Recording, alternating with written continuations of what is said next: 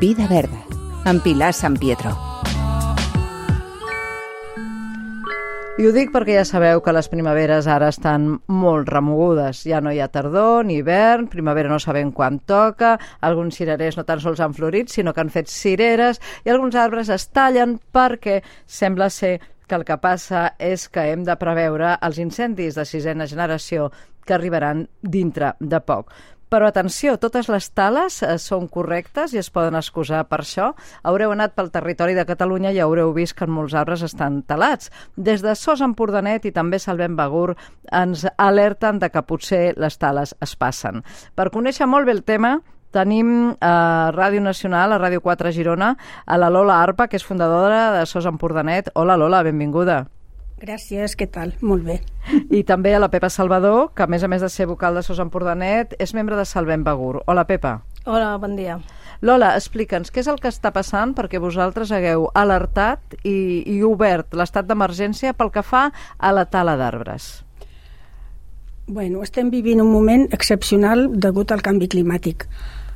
Aleshores tenim dos problemes. Una, l'adaptació dels arbres a aquestes temperatures, que ja els boscos prou malalts estan. Quan els pocs que quedin eh, hi ha una gran permissivitat per pues, l'edificació va per davant de tot. Aleshores, mm, davant d'això, pues, eh, s'elimina qualsevol tipus d'arbrat de la qualitat que sigui, del, dels anys que tinguin, per, per edificar i amb l'excusa també de la biomassa. Exacte, és a dir, hi ha dos punts concrets aquí, de tala d'arbres ara més exagerada, perquè és cert que ho estem vivint. Per una banda hi ha aquesta necessitat de biomassa, que sembla ser que forma part d'un dels objectius per, per uh, intentar reduir les emissions, i l'altra és la construcció que vosaltres viviu, Pepa Salvador, molt a la vora um, perquè esteu vora mar, no? com, com a l'Empordà. I allà aquesta pressió de la construcció hi és molt present. Sí, correcte. Begú és un dels municipis més ferotges amb l'àmbit urbanístic i destructor del territori. Um, avui en dia, pues, uh, els pocs boscos que queden um, prop del mar, pues, com són terrenys que són molt... Um, bueno, que veuen amb vista i, i pues, que es poden vendre millor, pues, aquests són els que s'estan destruint. No? Uh, actualment el POM uh, de Begú, que està en vies de, de revisió perquè és un POM an, an, antic, des del l'últim que es va fer va ser el 2003, pues, mm, amb els, borrenys que s'estan fent no preveuen mm, eliminar pues, aquests boscos, petits boscos que queden encara mm. a, a prop del mar. Deia la Lola, Lola, deies que eh, no, es, no es té en compte el, el tipus d'arbres, no?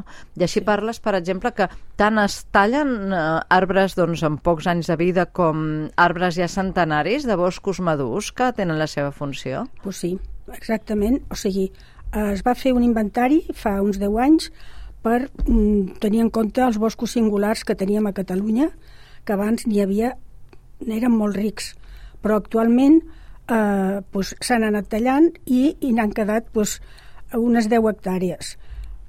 Clar, no, no vol dir que desapareguin els boscos, eh? vol dir que es talla, com, com s'alleuja, això és com, es, es parla de neteja, eh? jo no sé si neteja sí, vosaltres és, trobeu no, que és una definició és una neteja, adequada. No, és una neteja sense absolutament cap criteri, perquè amb l'excusa de la biomassa i de que, i de que s'han de netejar els boscos, pues, eh, pues, hi ha d'haver una planificació tècnica prèvia que marqui el, el, clarament mm. els criteris a seguir al moment de decidir quins exemplars s'han d'eliminar o no. Però aquests boscos antics, mm, centenaris, d'un valor excepcional, pues, aquests boscos eh, no es recuperaran mai més perquè ha sigut el resultat de segles de, de, de resistència i s'han anat eliminant en els darrers 15 anys s'ha fet una tala brutal. Sí, hi ha uh, informes i sobretot uh, dades que m'heu facilitat que diuen que aproximadament la tercera part dels boscos vells de Catalunya sí. que figuraven inclosos en aquest inventari al que has fet referència, sí. Lola, del CREAF, sí. ja estan tallats. Ja estan tallats. I aquest inventari és trist perquè aquest inventari que es va pagar entre tots mai, mai ha sortit a la llum. Va quedar desat amb un calaix i no s'ha fet assequible ni per internet ni les oficines territorials de l'administració forestal poden fer-ne ús.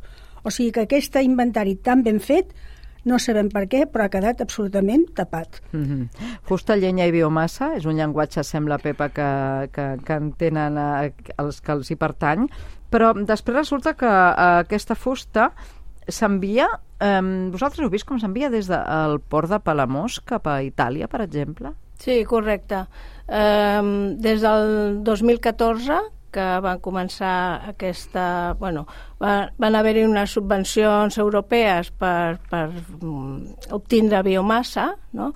i llavors aquí a Catalunya el, bueno, el, el, es van adherir en aquesta campanya i, i nosaltres, jo treballava al port de Palamós i constantment eren muntanyes de fusta, de, de, bueno, de fusta no, ja estava triturada que cada 15 dies o un mes venia un barco i s'ho enduia tot cap a Itàlia.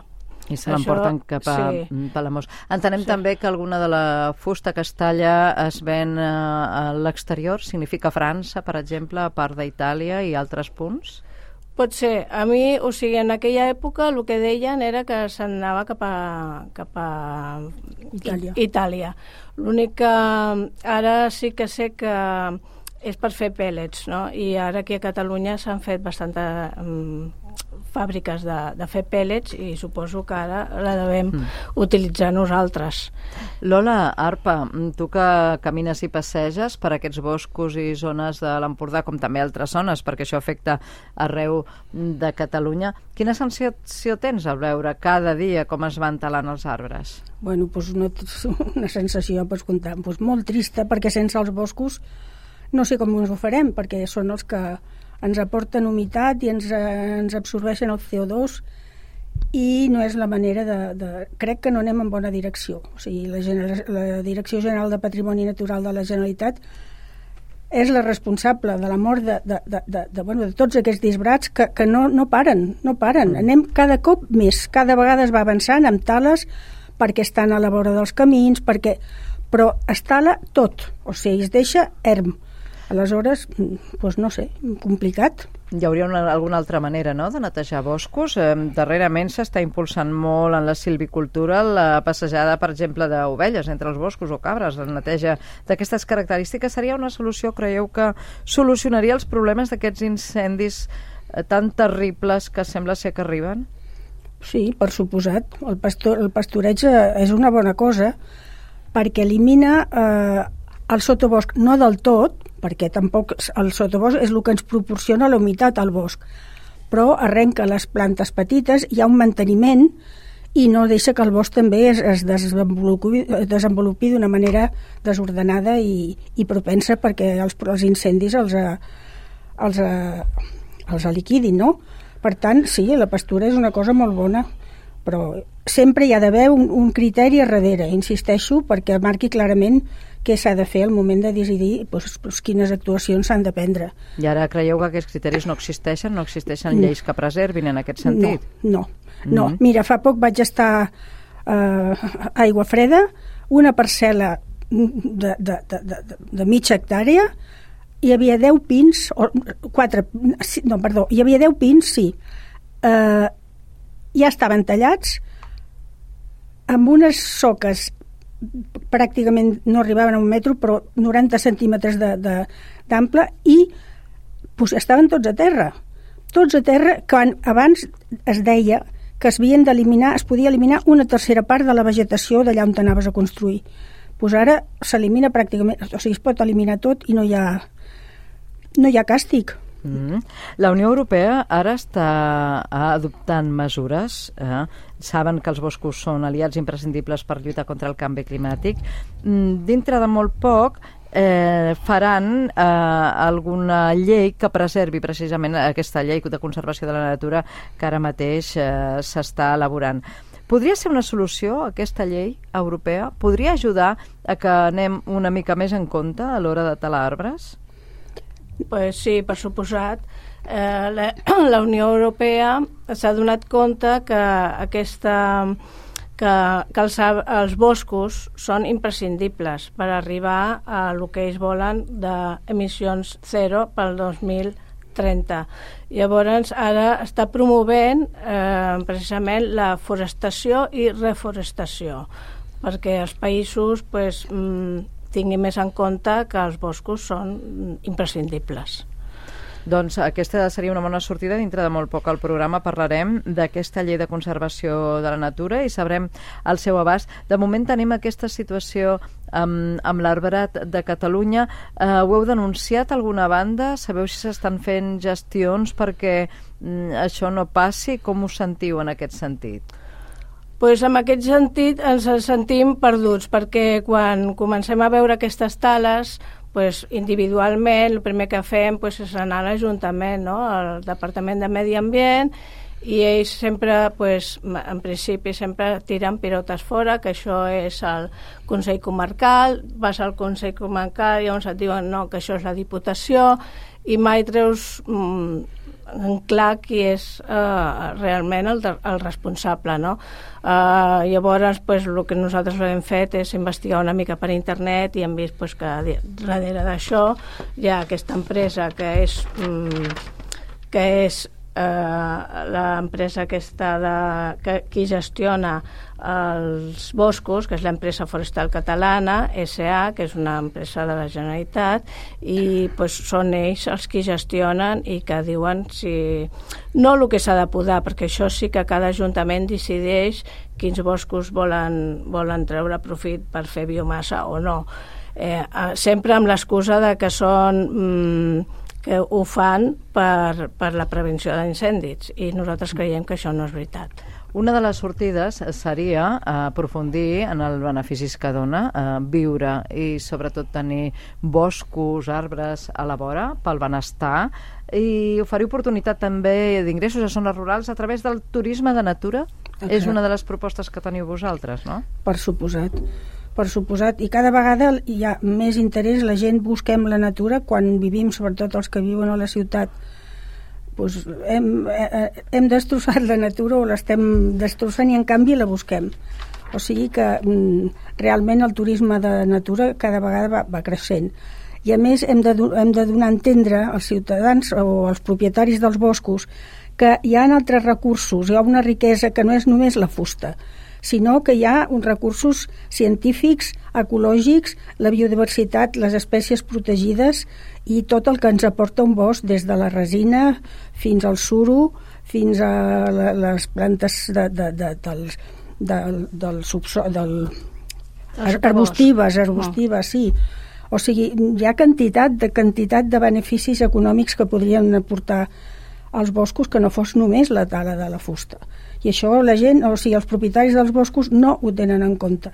I fins que, és clar, com que en una societat estem visquent una societat que malauradament el que més importa pues, és la rentabilitat i treure'n diners, pues, pues no sé, eh, hi ha d'haver-hi alguna solució, algú a darrere que ho pari. Doncs Lola Arpa, Pepa Salvador, jo ara us ofereixo el micròfon perquè us dirigiu directament a qui creieu i demaneu el que considereu. Aprofiteu ara. Vinga, Pepa, Lola. Va. Sos Begú, va. Vale, pues no, nosaltres des de Salvem Begú pues demanem que, si plau tinguin en compte que els pocs boscos que ens queden en el nostre territori els, mm, els preservem no? i que els hi donem la importància que tenen. Doncs sí. aleshores... Tu, no, no, jo, mira, no, el que fem ara o deixem de fer tindrà una conseqüències, tindrà conseqüències ja en el futur. O sigui que si no fem les coses bé, doncs, doncs ens ho trobarem i que com, que, com continuem així eh, doncs, d'aquí pocs anys Catalunya que era tan rica en, bos, en boscos centenaris i doncs, ja no en quedarà cap perquè ens els estem carregant tots aquesta és, doncs, la denúncia sobre la tala indiscriminada d'arbres de Lola Arpa i Pepa Salvador, membres de SOS Empordanet i també de Salvem Begur. Us agraeixo molt que hagueu estat aquí entre nosaltres per explicar-ho. Bona sort. Bueno, moltes gràcies a tu. Gràcies, Pilar. Pepa.